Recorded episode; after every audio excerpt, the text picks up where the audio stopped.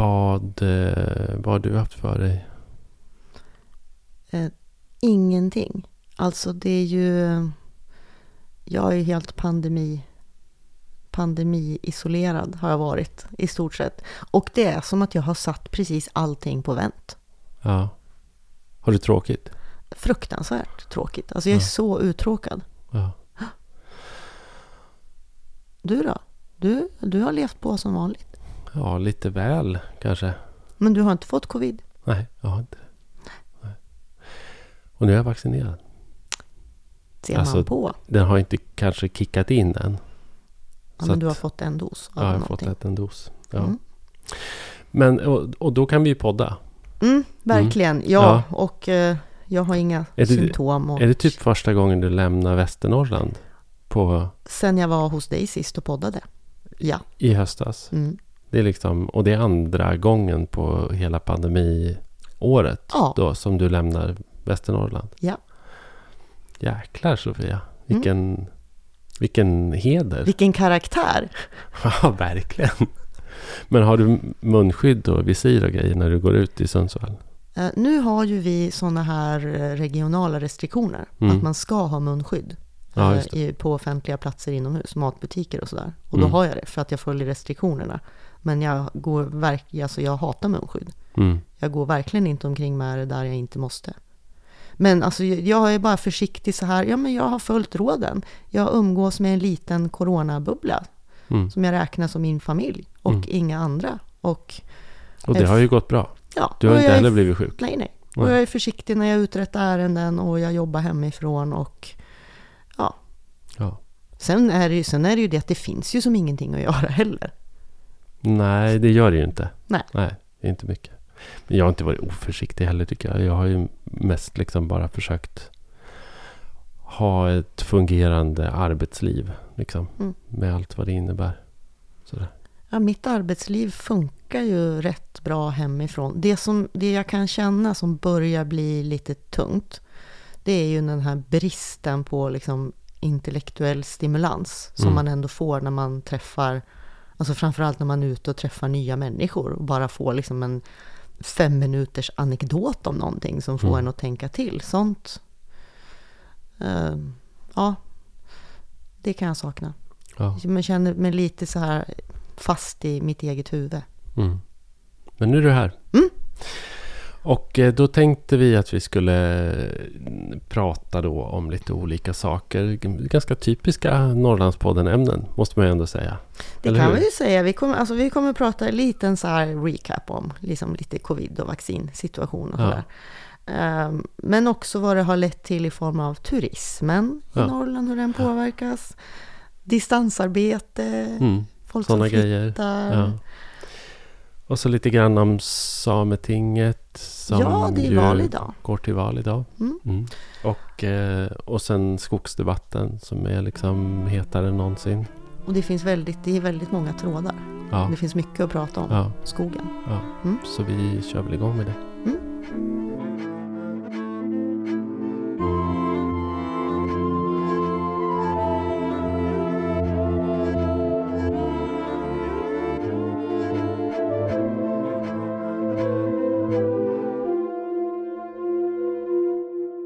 Men du, när vi poddade senast då i höstas. Och det, alltså, till att börja med så måste man ju säga att det har varit så gulligt att det faktiskt ändå är folk som hör av sig nästan varje vecka. Och Mm. bara så här, när kommer nästa avsnitt? Ja, jag har till och med fått någon ny Patreon fast vi inte Ja. har poddat på Ja, månader. Ja, nu, har jag, nu har jag anmält mig så nu får ni fan ta och Mm. podda. Liksom. Ja. Ja, men det, det blir man ju glad för. Och, och det gör ju att det liksom känns också som att ja, men, att våra analyser eller våra prat om de här sakerna kanske ändå fyller någon funktion. Liksom. Ja, så uppenbarligen så är det ju så. Ja. Och vi kanske bara ska förtydliga också att vi trivs inte och funkar inte med att podda på distans. Nej, Vi vill befinna oss i samma rum.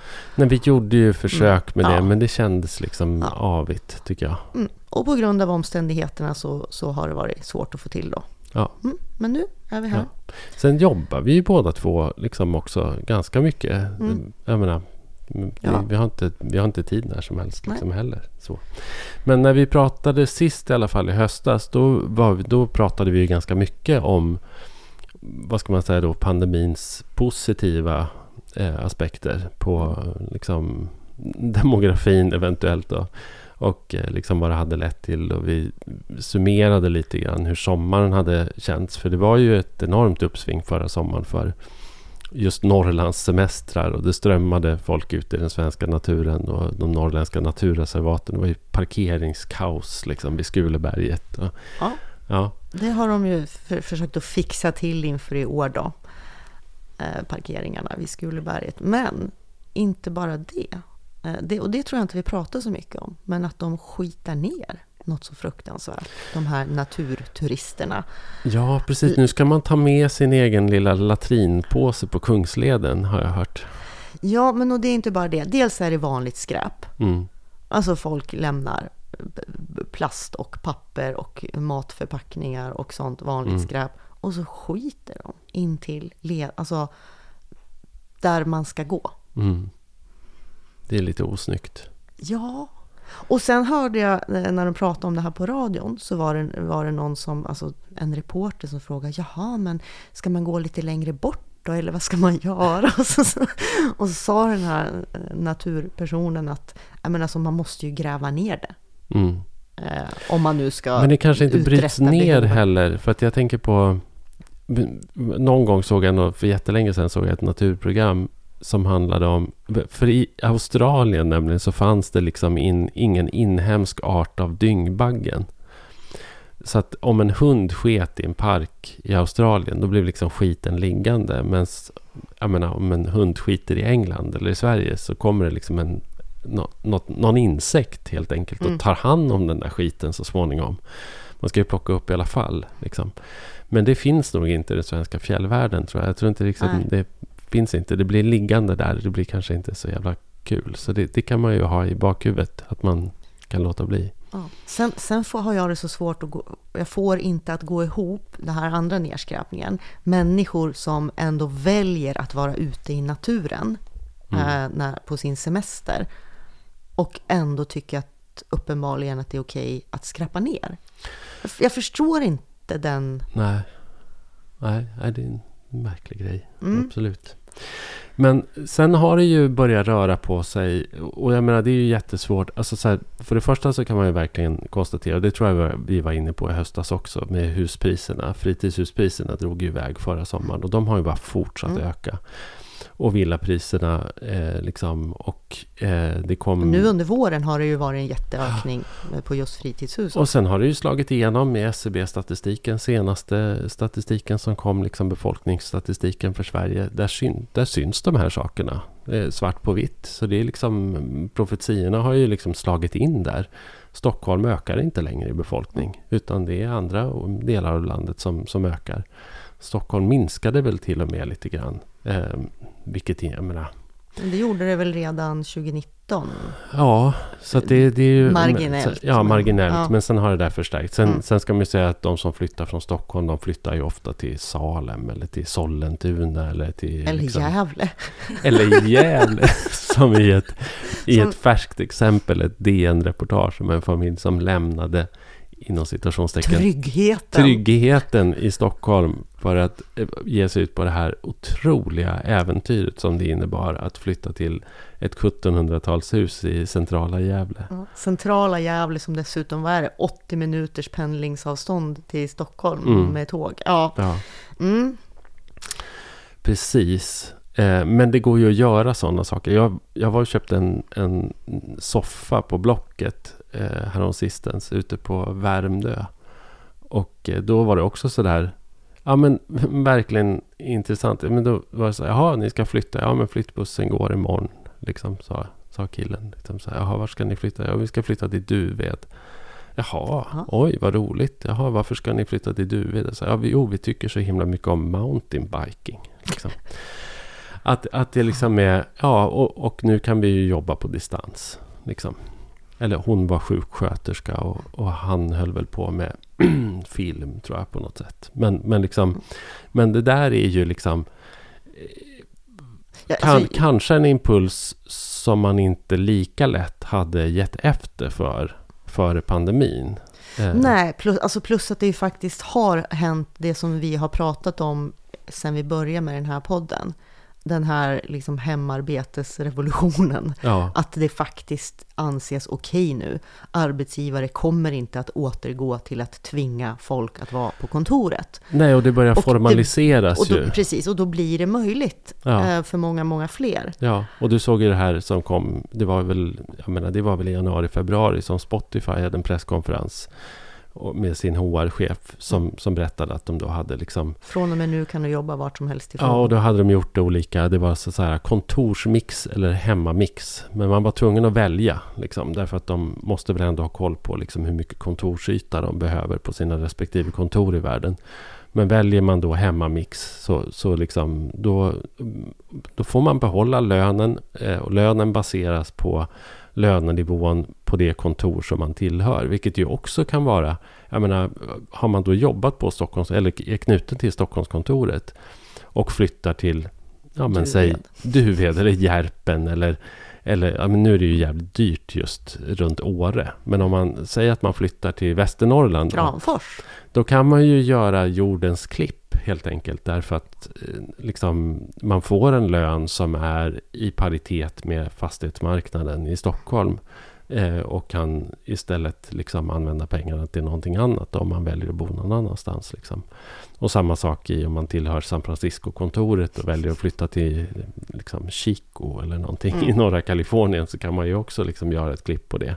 För den här mellanskillnaden blir ju ganska liksom, substantiell. Och sen så kan man ju välja det här kontorsmix då, där man mera jobbar på kontoret, men ändå lite flexibelt. Liksom. Och det där är ju rafflande tycker jag, för det kan ju vända upp och ner på saker. Men jag har faktiskt, eh, min chef, när vi hade samtal för eh, några veckor sedan så var, så var det också så här, "Ja, jo men du kommer, vi kommer inte att förvänta oss att du är på kontoret varje dag. Liksom det, kanske ska börja fundera på om vi, vi kanske ska hyra ett rum av dig som kontor. Alltså så här, Ja, bara, ja du kanske vill ha ett höj och sänkbart skrivbord hem, faller Mm. det på oss? Alltså sådär, ja för att det, ja, men det är så, så det kommer att funka nu. Sen kommer jag ju ändå vilja åka till jobbet. Har jag, jag har ju förstått ändå att jag gillar det mer än jag trodde. Ja, men alltså Ja. För, in, in, för att jag blir så... Det är lite väl tråkigt att vara hemma Mm. hela tiden. Klart Mm. att jag kommer att vilja vara på jobbet, men inte, verkligen inte varje dag. Så ja, att jag det- har ju levt hela mitt yrkesliv så här. Så att Ja, det- och jag som- var ju frilans i många år och vande mig Mm. också vid det. eh, Den, den friheten som, som det är att jobba hemma. Men då var, bestod ju mitt jobb ändå av att vara ute och föreläsa och träffa människor och resa och sådär. Mm. Nu är ju mitt jobb att sitta framför datorn och liksom läsa och skriva bara. Då blir Mm. det lite tråkigare. Fast kan du inte lägga den tiden då istället på att åka runt i ditt distrikt? Eller ditt liksom... Jo, men det, kom, alltså det, det, det gjorde jag ju innan pandemin. Ja, Alltså, och det kan du ju ta upp igen då. Precis.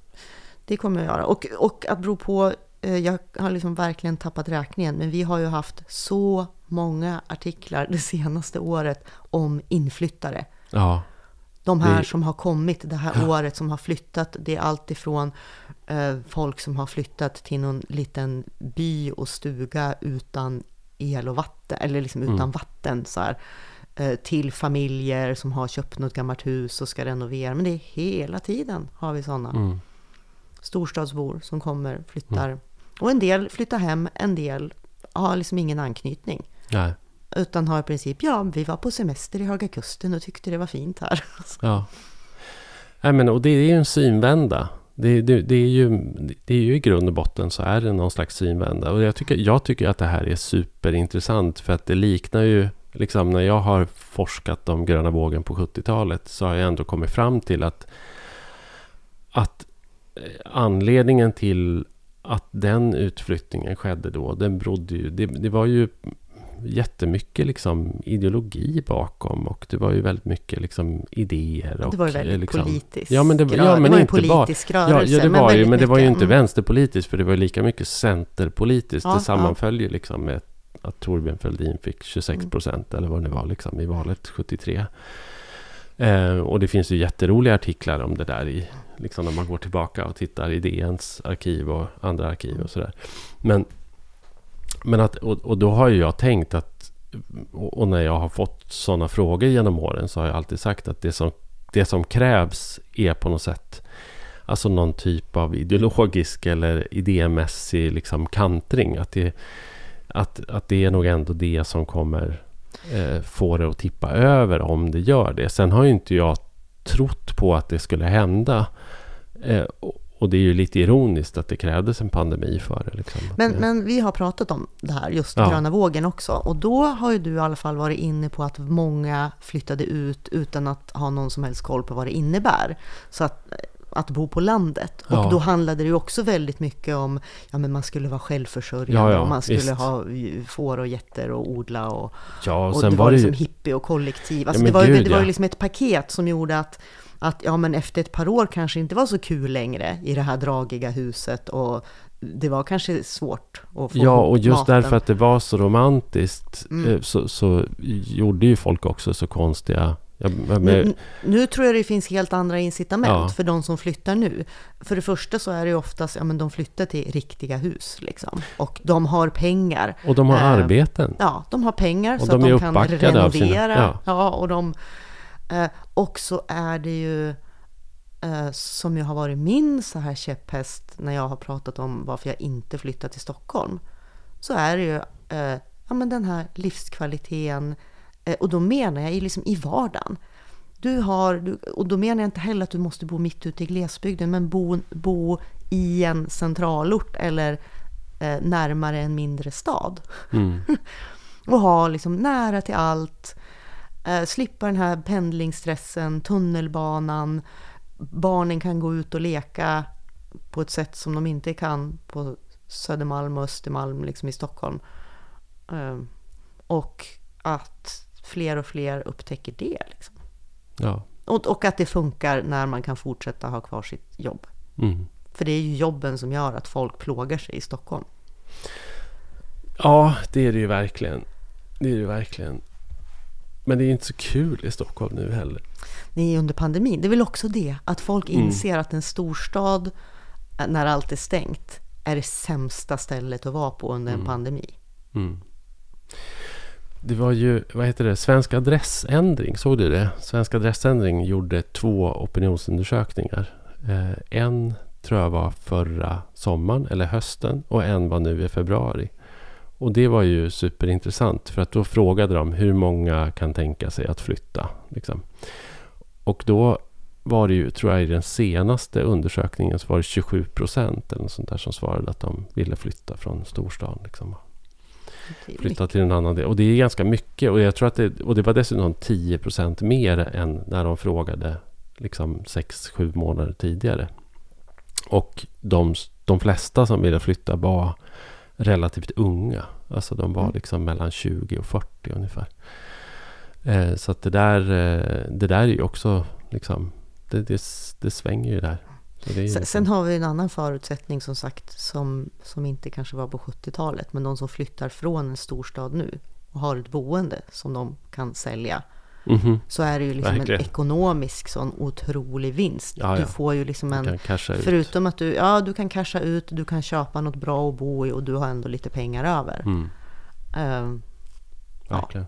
Ja. Och det är nog värt en hel del. Och särskilt liksom när man är i den småbarns perioden. Mm. Måste det kännas tryggt och bra. Liksom. Ja, så där är vi. Så vart det. Alltså det är ju så konstigt. Alltså jag tycker, eh, som när jag har tänkt på liksom att vi ska podda igen. Så har jag också tänkt på liksom, jag menar vi har ju fler ämnen som vi ska prata om. Som också på något sätt är,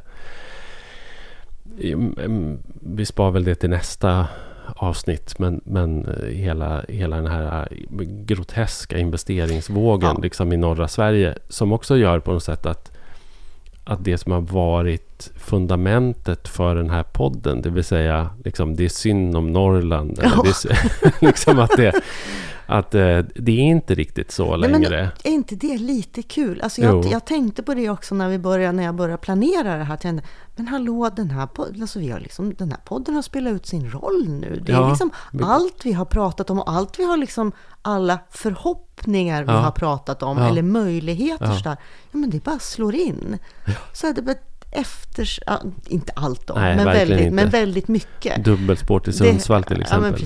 Det kan, vi, vi, kan ha, vi kan fortsätta podda om det i några år till tror jag. Ja, men det händer ändå väldigt, Mm. eh, väldigt mycket. Ja. Eh, det är ju det är ju kul, Mm. Absolut. positivt. Ja. Vad som är tråkigt är ju ändå att Västernorrland fortfarande är sämst. Västernorrland är väl alltid sämst. Mm. Det har Eh, vi pratat Alltså om man googlar Västernorrland är sämst så får man ju upp liksom rubrik efter rubrik efter Ja. rubrik om allt som Västernorrland är sämst på. Mm. Alltså sämst hälsa, liksom Mm. äldst, sjukast, eh, Och, nu, tjäna minst. och nu också eh, sämst på vaccineringar. Ja men typ. Ja. Eh, det- här, det kom någon undersökning nyligen också att det är det län där folk har sämst förtroende för sjukvården. Mm. Och, och det under ett år när förtroendet för sjukvården har ökat i hela landet. Ja. Även i Västernorrland i och för sig, men det har ökat minst i Västernorrland och ligger fortfarande i så här botten. Ja. Eh, ingen i Västernorrland. Sämst på att öka Li- också. Ja, ingen litar på sjukvården. Eh, sen har vi ju även ett par kommuner i, i Västernorrland där vi har haft högst dödlighet i landet i covid Ja, per ja. capita. Mm. Eh, och Vilka är det? jag tror att det är Kramfors och kan det vara Övik? Kanske väldigt gammal befolkning då, eller? Ja, det har med Mm. det att göra. Eh, nu, nu, jag har inte det där exakt i huvudet. Men Kramfors tror jag är en i alla fall. Mm. Ehm, ja, men det handlar ju om, om äldre befolkning. Därför att Ja. Sundsvall och Timrå ligger mycket bättre till. Som har den yngst, yngsta befolkningen i länet. Mm. Så Men- flytta inte till Västernorrland. Jo, men alltså. gör det. Föryngra. Vi behöver lite föryngring. Eh, m- men eh, det här med vaccineringen också. Mm. Så är det ju så här att när, eh, F, alltså när de skulle börja med fas 2.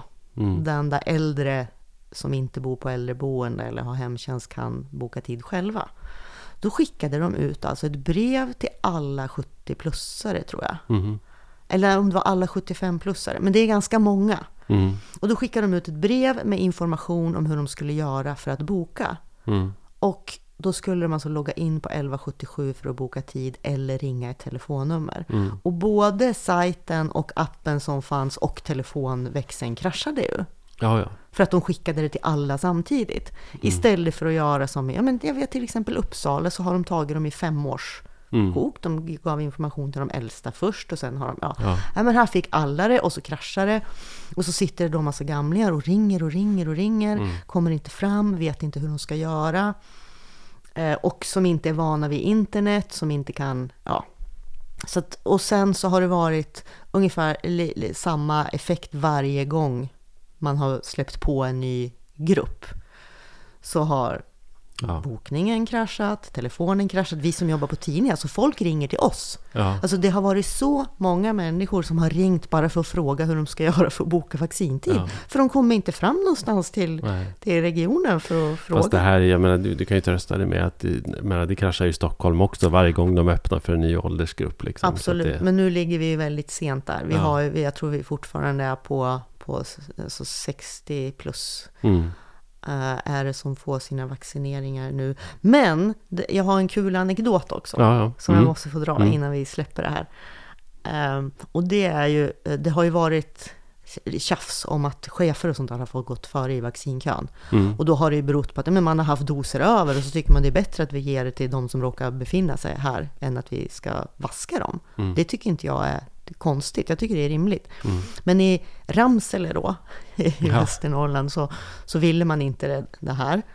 Eh, Så då hade man en eftermiddag då man eh, fick avbokningar, eller liksom alla tider var inte bokade, så man satt där i, liksom på eftermiddagen och hade massa vaccindoser, alltså färdigblandade vaccindoser över. Jag tänkte, vad 17 gör vi nu? Eh, och då sprang en, en person in på ICA i Ramsele och bara ropade till alla som var där. Är det någon som är 65 plus så kan ni komma och få vaccin. Liksom så, här. så var det först till kvarn. Ja. Och folk liksom skyndade sig från ICA till den här hälsocentralen där de bara fick vaccin. Vad fint. Mm. Mm. Det var gulligt. Du, eh, Sametinget Mm. har ju går till val idag. Ja, Eh, rekordhögt valdeltagande. ja, är, för, man, för man ska anmäla sig i förväg. Precis. Och det är nästan, det är nästan sig- 10 000 som Precis. har anmält sig. Eller över 10 000 kanske. Nej, jag tror det är knappt 10 Ja. 000. Mm. Men man måste anmäla sig i förväg till den här röstlängden. Och det påtagliga i år är väl att det är väldigt många unga Mm. samer som har, det är en väldigt stor övervikt på unga personer. Mm. Som, eh, det, ja ganska mycket för att det har, det har blivit en, det finns väl en våg eller en trend bland unga samer att liksom vara stolt över och stå Mm. upp för identiteten och att, att det är det som känns viktigt för dem då. Ja, och sen är det ju så många ödesfrågor. Och, och jag menar Girjas-domen och, och eh, Vappstensdomen och, och liksom Sveaskogs avverkningar och eh, liksom eh, fjällskogens eventuella bevarande och liksom och, och hela gruvbommen och alltihop. Ja. Liksom. Så det är, jag menar, det är ganska mycket som står på spel. Sen är det ju tyvärr så att jag menar, Sametinget har ju ändå ett väldigt begränsat inflytande. Och det här har vi ju också varit inne på en massa gånger. Men, men det är ju jätteknepigt med samefrågorna. Att det liksom är, men alltså, Ja, men Sametinget anses väl, i- eller är väl egentligen, det är en myndighet som är så att säga rådgivande och samtalspartner partner till Mm. Regeringen i samefrågor. de men de har ju ingen på. beslutanderätt om någonting Nej. eller så. Och Nej. där är ju också beslutanderätten är ju också fördelad mellan olika departement. Att det liksom är kultur, kulturfrågor så är det kulturdepartementet och Amanda Mm. Lind. Men, men alla de viktiga frågorna ligger ju egentligen hos Damberg på närings. Liksom. Men det spelar ju ändå roll vilka som väljs in i Sametinget. Det gör det ju. För att det har ju betydelse för vilka frågor Sametinget kommer att driva Mm. gentemot staten. Ja. Eh, Och där är det ju också intressant för där går det ju liksom, det finns ju en hel uppsjö med partier och jag har faktiskt ärligt talat inte koll på allihop. Men, men den grova skiljelinjen går ju ändå mellan den grupp partier som på något sätt vill bevara den här maktordningen som kolonialstaten Sverige har, har liksom sla- slagit och... fast. Ja, ja. och eh, slagit fast. Där, där liksom makten över renbeteslanden och jakt och fiskemarkerna ligger hos... hos eh, Samebyarna. ja, precis. Och för att få vara medlem i en sameby måste du vara renägare. Ja. Och sen så har du då en grupp partier som, som liksom eh, mer företräder samerna i diasporan. De som inte tillhör samebyarna. Mm. Och som driver på att det här är, det är liksom de rättigheter som tillmäts samerna ska ju då rimligen tillmätas hela gruppen samer och inte bara renägarna. Det är ju en konflikt som vi har pratat om Jo, många gånger. precis. Men här är det också intressant, för, för det är också som, som jag har förstått det, många av de här unga som nu har registrerat sig för att rösta är ju verkligen också unga som, in, som de kan bo i Stockholm. Ja. Eh, Men som ändå känner väldigt starkt för sitt samiska ursprung och kultur och vill vara med Mm. eh, och tycka till. Ja. Så det, av den anledningen eh, blir det intressant att se om det blir någon stor skillnad i valresultat mot för hur det har sett ut tidigare. Ja, precis. Det, är väl, eh, det ligger väl på något sätt i tankens riktning där att de här partierna som, som mer eh, liksom företräder den breda gruppen kanske, kanske vinner på det. Det kommer att gå till deras fördel. Mm. Eh, har du några tankar om den här ren, rennäringsutredningen som eh, man har lagt fram nu då? Alltså, har det utsetts en utredare? Vet man vem det är? Eh, Nej, men om man, om man går in på så här regeringens hemsida så ser man i varje fall att det finns ett uppdrag att en sån utredning ska göras. Eh, Jag har inte jättebra koll, men om man vill vara konspiratorisk Mm. så kan man ju tänka att regeringen har också blivit lite skakiga av Girjasdomen. Ja, Och, med all rätt. Ja, ja. Och eh, nu ska det här utredas och Mm. det kanske inte är till samernas fördel. Ja, samtidigt, jag menar, hur mycket kan de gå emot Högsta domstolen? Liksom, kan de, kan de börja liksom, kan de, kan till, kan göra, de de kan ju skriva om lagen, det är ju det. De kanske känner att vi, om, om lagen, Jo, jo. om, om, om vi har en lag som gör att utfallet blir som i Girjasdomen i Mm. Högsta domstolen, då kanske vi måste göra om lagen. Ja, just det. Mm. Mm.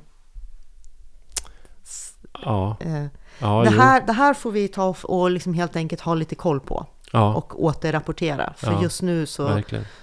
Den har ju inte ens börjat. Eller Nej, så. inte Ja. vad jag vet heller. Så, att, så att, men vi, vi får eh, följa upp det. Mm. Mm. Ja, precis. Mats Jonsson kommer ju för övrigt också, eh, jag tror att det är nu i slutet av sommaren så kommer ju hans Seriealbum. stora seriealbum Mm. När vi var samer. Mm. Som handlar om hans familjs samiska bakgrund. Som Mm. jag tror kommer bli fantastisk. Han är ju så Det jäkla... tror jag med. Och det fina med det är det att han har ju typ inte nämnt det så mycket tidigare. Nej, någon- Alltså när han, varit- när han har skrivit om Norrland och sin... Alltså det Nej, men han har ju typ inte vetat om det nästan själv. Nej. Alltså för att det var ingenting man pratade om i hans familj. Liksom. Så att, eh, nej men det ska bli jättespännande. Mm. Ja. Eh, raskt över till eh, nästa ämne då. Eh, som ju verkligen har varit och, och så fruktansvärt glädjande tycker jag. Att, att liksom skogsfrågorna debatteras och är uppe på tapeten. Och att det avsätts liksom journalistiska resurser verkligen till att, att gräva i de här frågorna och, och liksom göra det på ett bra och seriöst sätt. Det är en reporter på DN, Lisa Röstlund, som har som har eh, levererat, det, vad är, det måste vara 10-15 större jobb liksom, under, under vintern och våren här. Eh, vi har redan, du nämnde redan i förbifarten Sveaskog. Mm. eh, som ju Karl hugger något extremt faktiskt. Ja, det gör de ju och eh, nu bromsades ju den stora avverkningen som ju på något sätt lite grann var den tändande gnistan. Jag tror att det kanske var någon av de första artiklarna också som ju faktiskt handlade om eh, Sveaskogs hotande avverkning av, av renbetesskogar i, i eh, Norrbotten. Ja, nu har de ju kommit med en femårsplan. Mhm. Har du sett det? Nej. Nej, Sveaskog, är för ett par veckor sedan så la de fram en, alltså för på något sätt tillmötesgå kritiken och Ja, ja. försöka, De sparkade ju för övrigt sin... Var det vdn eller styrelseordföranden som de sparkade? På grund av hanteringen av den här frågan också.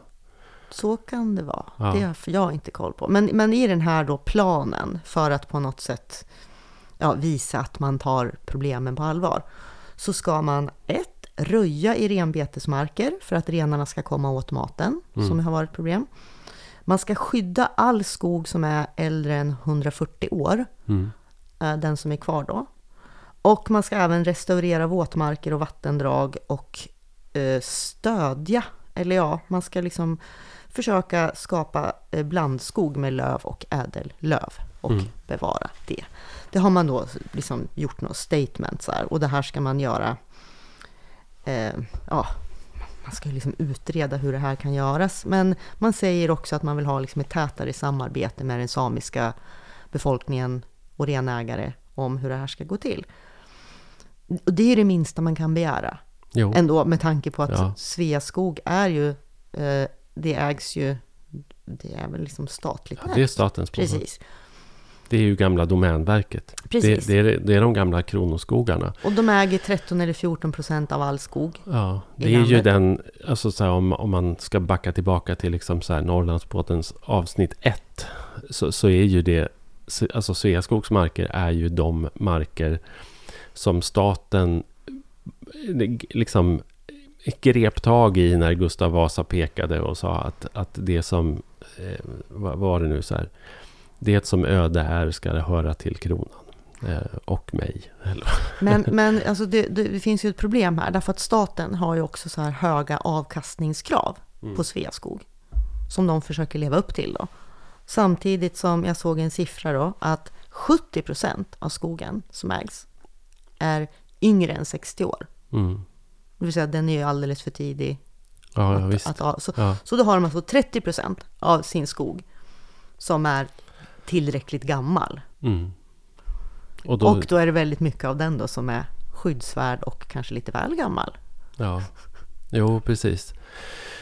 Eh, ja, och det är ju en, eh, vad ska vi säga, eh, ett av grundproblemen de senaste åren har ju varit liksom en virkesbrist i den svenska Mm. skogen. Att, och att det liksom eh, dyker ju upp nya användningsområden för, för träråvara hela tiden.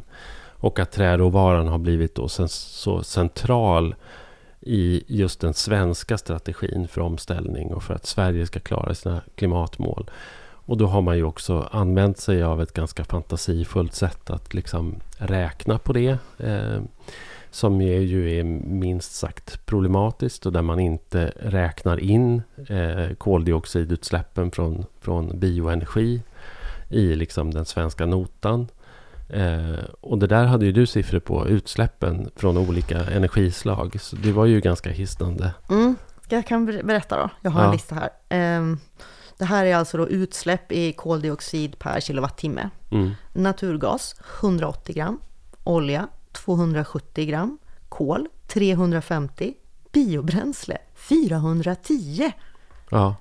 Så det gram en, koldioxid per kilowattimme. Precis, och eh, det är ju så att atmosfären gör ju ingen skillnad på varifrån utsläppen varifrån det kommer. kommer. Utan, utan det kreativa här är ju då att man tänker sig att det här är en förnyelsebar energi. Det vill säga mm. att, att den här, de här utsläppen kommer att kompenseras av uppväxande skog. Eh, men där finns det ju också, har det ju visat sig, väldigt kreativa sätt att räkna. Det vill säga att, för där handlar det ju helt plötsligt då om omloppstiden. Eh, och i den takt man avverkar svenska skogar och i den ålder man avverkar svenska mm. skogar så hinner de helt enkelt inte binda tillräckligt mycket kol under sin omloppstid. Precis, för att... det är ju alldeles för tidigt ja. helt enkelt. Eh, skogen borde ju stå i 120 år.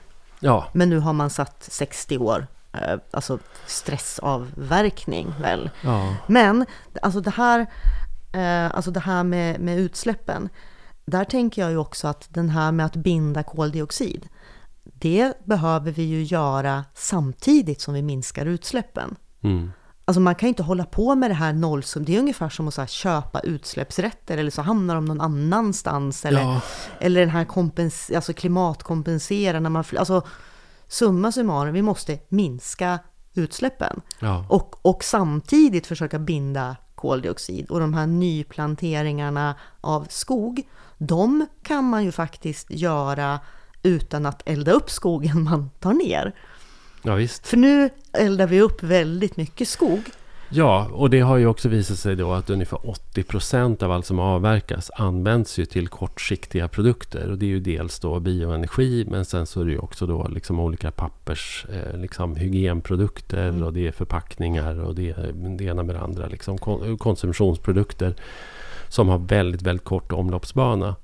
Och ska man bättra på det här sättet att räkna, om om man ens ska räkna på det här sättet, då, då måste man ju liksom ställa om hela den svenska skogsindustrin egentligen. Alltså, alltså från början till slut. För det första så måste man ju sluta med trakthyggesbruk för att de släpper också ut och särskilt markberedning av alla olika slag där man liksom repar upp marken och släpper ut kolet som är bundet i marken. Mm. Eh, man måste ju liksom sluta elda upp så fruktansvärt mycket. Eh, man måste börja med plockhuggning eller blädning som det heter istället för de här trakthyggesbruken för att det är mycket bättre. Och sen så måste man ju då använda det trä man plockar ut på ett mycket mer mm. klimatvänligt sätt. Och då, måste, och då kan man ju då till exempel använda det i byggande av hus som ska stå under en lång tid och har en lång omloppsbana eller om, omloppstid. Eh, och på det sättet då fasa ut till exempel cement som är väldigt miljöovänligt mm. eller klimatfarligt. Liksom. Men, men det, här, det här med, med att elda upp då spill, alltså spillvi, alltså ja. sånt som ja. Grot. Precis. Uh, förr i världen, ja. vad gjorde man av det då? Ja, det gjorde man väl olika typer av spånskivor Precis. och masonit och... Precis, man gjorde ja. spånplattor och grejer som ju också är ett material som går att använda mm. och som håller längre än lite biobränsle eller ja. pellets. Mm. Och Eh, nej, alltså när jag fick de här siffrorna sen dess, jag har inte kunnat släppa det. Och jag kan bli otroligt provocerad när jag följer med också i, i det här är ju mm. det här är en annan debatt, alltså liksom energidebatten, nu hänger ju alltihop, men mm. Men jag blir så otroligt provocerad av att just biobränsle anses så himla bra och nu ska vi blanda in biobränsle i allt och jag bara ser de här siffrorna framför ja. mig och fattar inte. Nej, nej, det är ju det, ett lapsus där. Och, mm. och, och, där. Här har ju liksom svenska regeringen också gått på näringens linje och driver de här frågorna internationellt och gentemot EU som ju... Där, ja. där ju EU har velat liksom faktiskt i sin taxonomi då, där de ska bestämma vad som är hållbara, mm. klimathållbara investeringar. Där har de ju sagt att svensk skogsindustri är inte hållbar på det sättet. Men regeringen går ju på näringens linje där och står för det.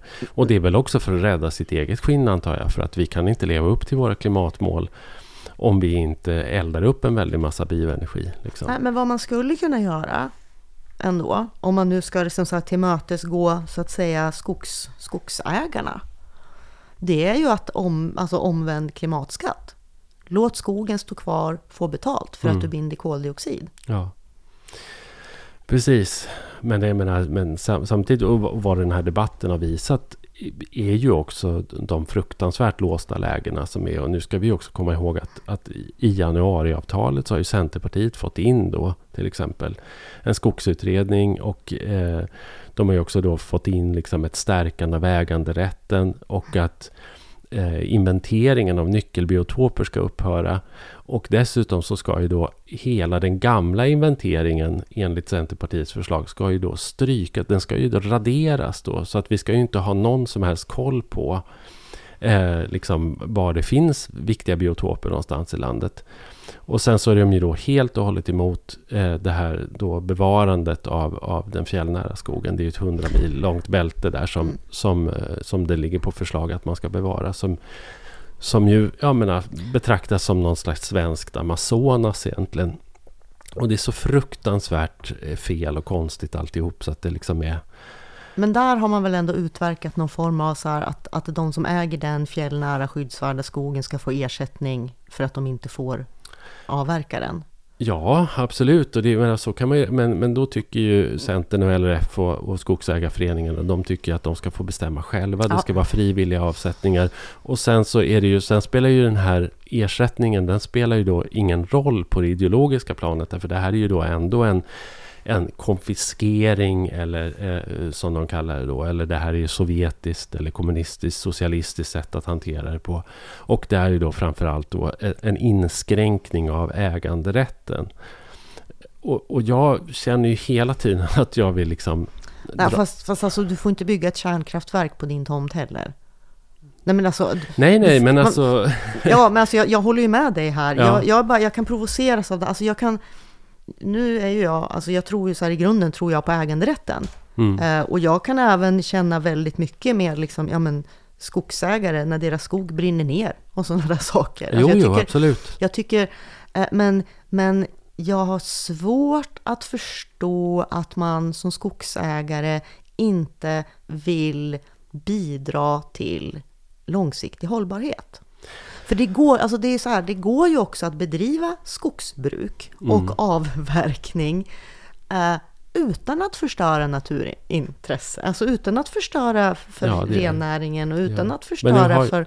Och du skulle dessutom höja värdet på, på massa andra saker. Jo, men nu har man ju bundit, bakbundit sig. Man har ju man ska säga, hela den svenska infrastrukturen om man tittar liksom från långtradar eller åkerier till, till liksom, eh, liksom mm. entreprenörsföretag som håller på med skördare och skotare och till virkesmätare och till sågverk och massafabriker. Alla eh, har ju, alltså hela systemet bygger på att, att svensk skog är en bulkråvara och att det ska ske storskaligt. Och vad man skulle börja gör, behöva göra där är ju att, att ställa om i hela systemet. Det vill säga man måste börja då liksom ta fram mycket mindre skogsmaskiner som kan liksom plockhugga istället ja, för att kalavverka. Men, liksom, men kan man inte se att här finns det möjligheter?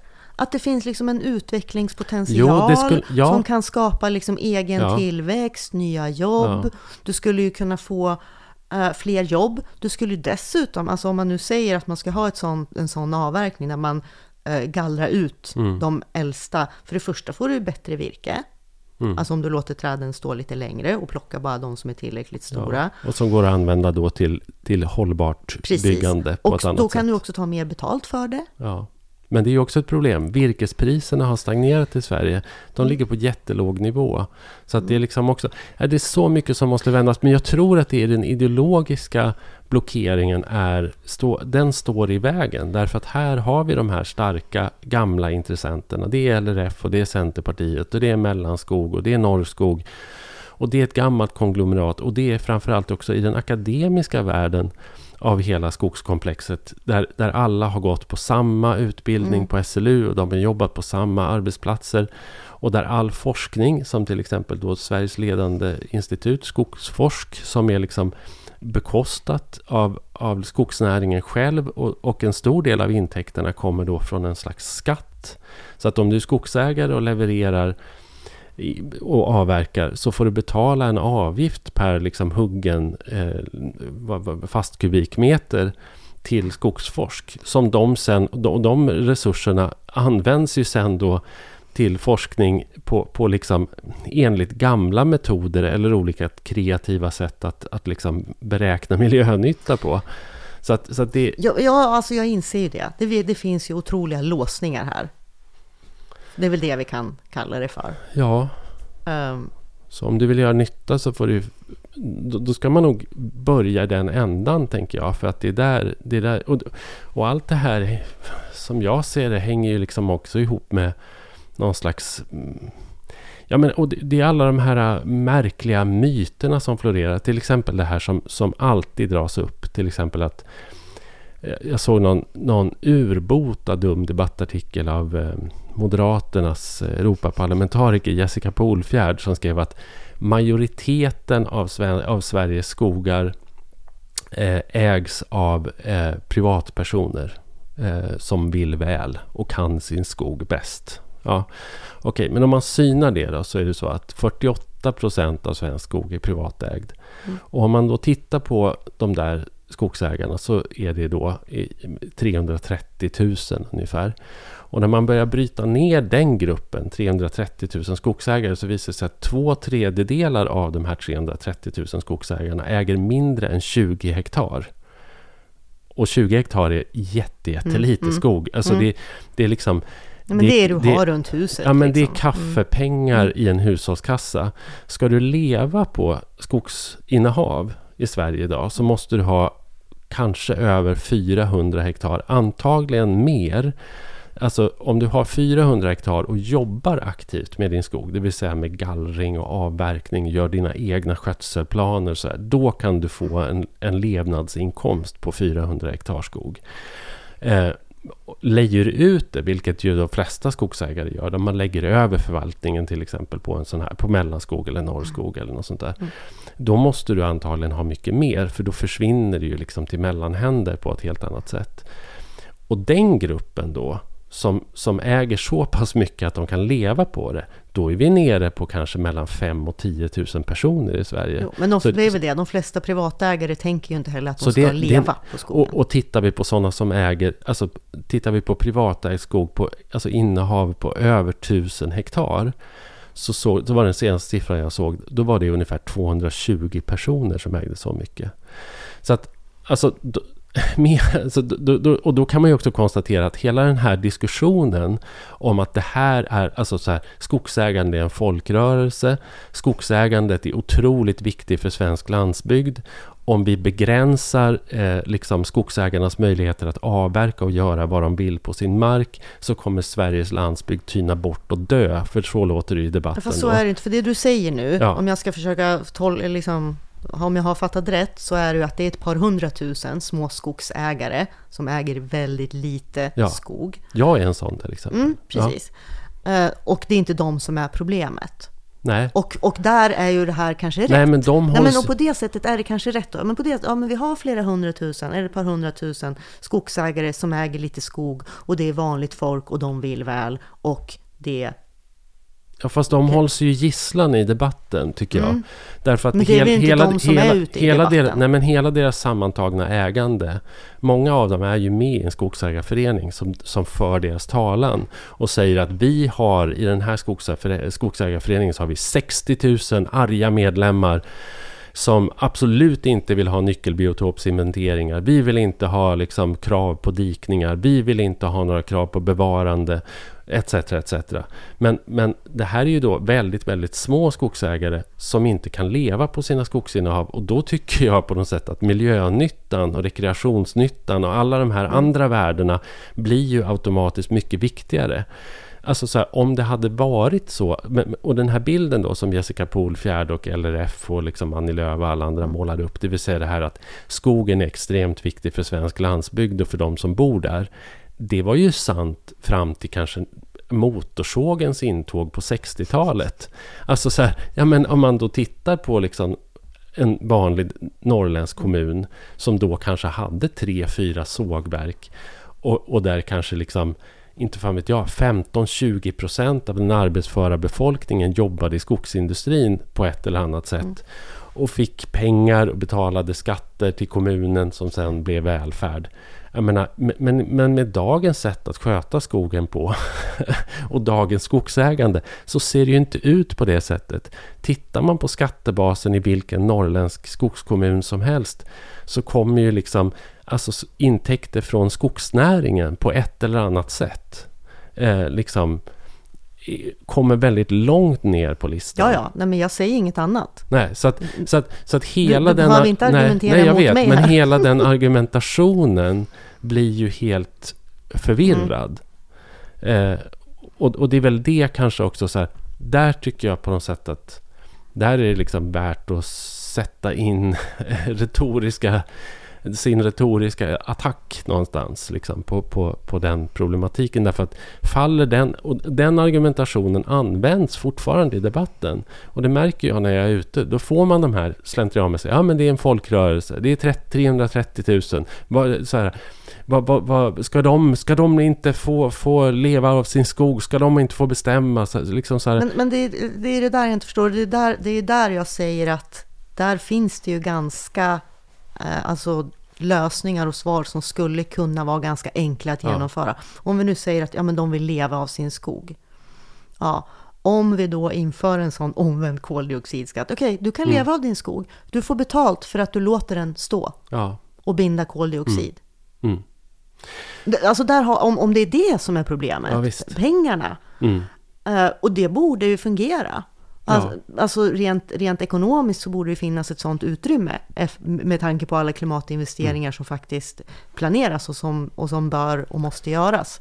ja, och Det är, nu- mitt, det är min så enkla lösning, Ja, och en- populistiska lösning Ja på, och, en an, ja, och en annan grej som man kan fundera över också, det är ju liksom...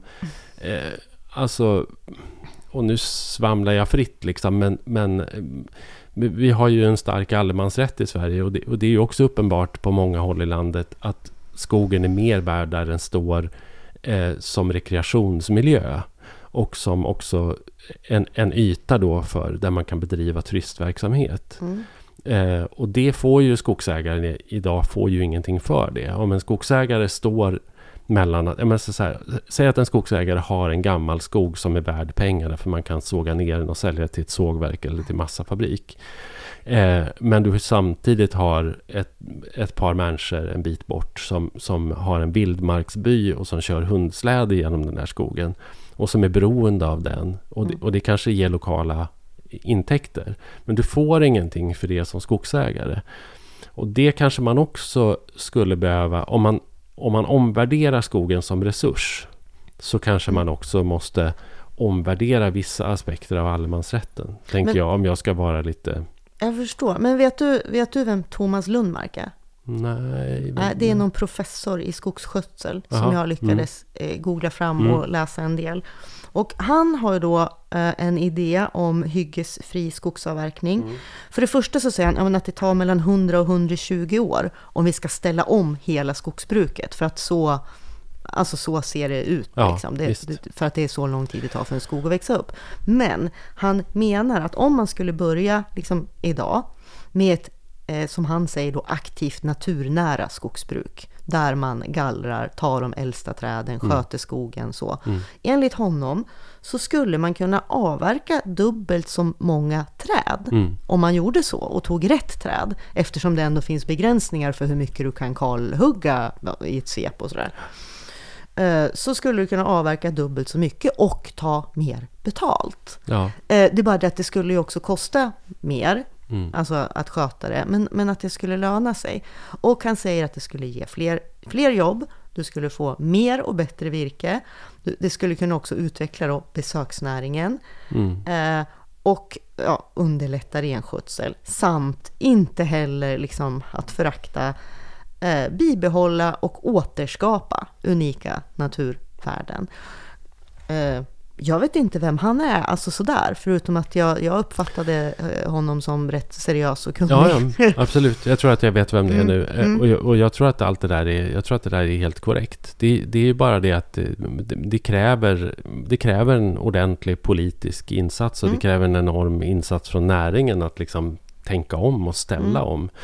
Och, det, och, och, och som säga- det nu är så, mm. så vill man absolut inte göra det utan man slåss med näbbar och klor för rätten att få hålla på med liksom extensivt trakthyggesbruk. Jag vet. Ja. Men, alltså, jag, men jag, tyvärr är det ju så liksom att inte ens Miljöpartiet, tycker jag, liksom...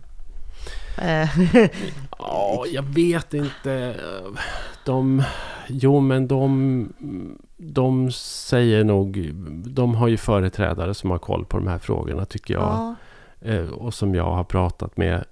Men sen... Ja, men det har de säkert, men i den liksom aktiva, liksom, när de ska vara pragmatiska i politiken och sitta i den här regeringen Mm. och, och Jag tror att de väljer sina strider och det här är kanske en sån strid. Men, men jag fast tror... jag tycker det är lite konstigt Men jag tror, att, jag tror att det kommer bli ordentligt mycket. Och det har ju också liksom flaggats för i media. Att, att den här striden om det här 100 mil långa skogsbältet längs med fjällkedjan.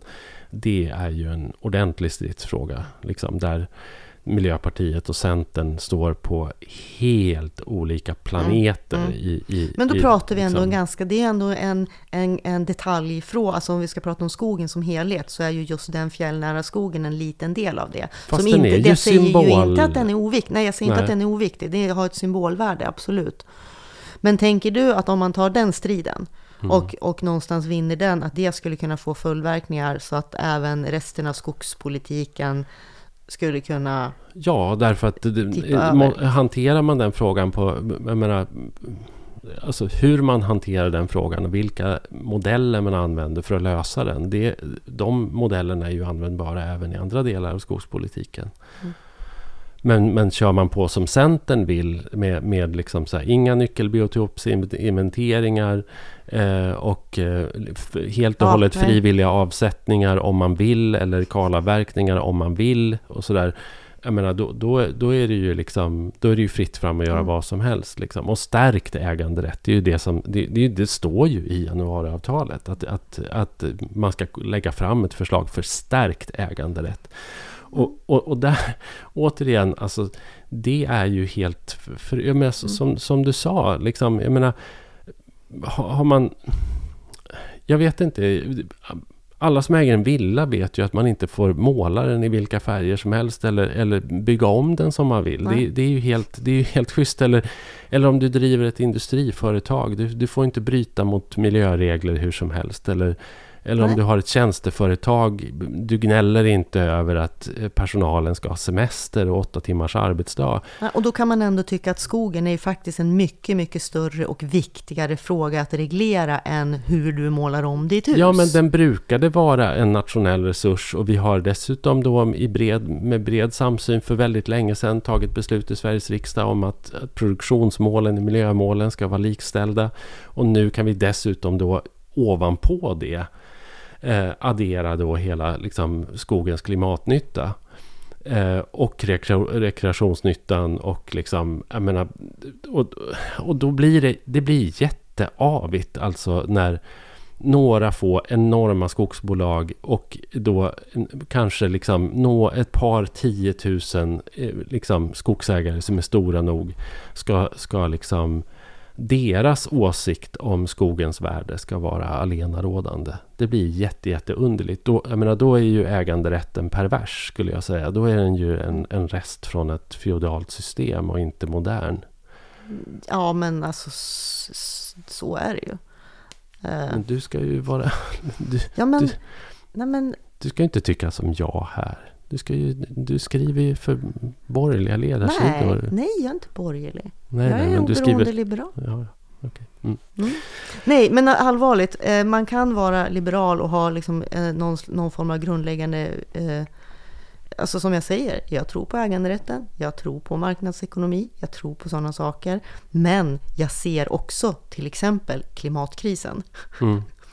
Och, och eh, där måste man även som eh, liberal vara pragmatisk och på något sätt utgå från, från eh, fakta och forskning. Ja. Jag ser ingen konflikt där, faktiskt. nej. Nej. Vad bra. Hör du, ska vi runda av detta avsnitt? Och mitt förslag är att vi gör det med... Du, du, du känner till Ellen Sundberg, eller hur? Från, eh, Bjärme. Ja, hon... Jag tror jag såg henne första gången på så här, teatern i Östersund någon gång för jättelänge sedan. Då var hon liksom countrysångerska. Och eh, nu har hon gjort en skiva med Bodil Malmsten Tolkning. tolkningar. Mm.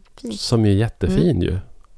Och så tänkte jag att vi skulle lyssna på en låt från den skivan som heter Glenn Gould. Och då kan jag i samma veva också säga att jag har gjort en P2-dokumentär om just Glenn Gould. Som jag tror ska sändas 6 juni eller något sånt där. Mm. Håll utkik efter Som den. är en ganska utflippad dokumentär tror jag. Mm. Men, men eh, fin skiva i alla fall med Ellen Sundberg. Vi lyssnar på den. Mm.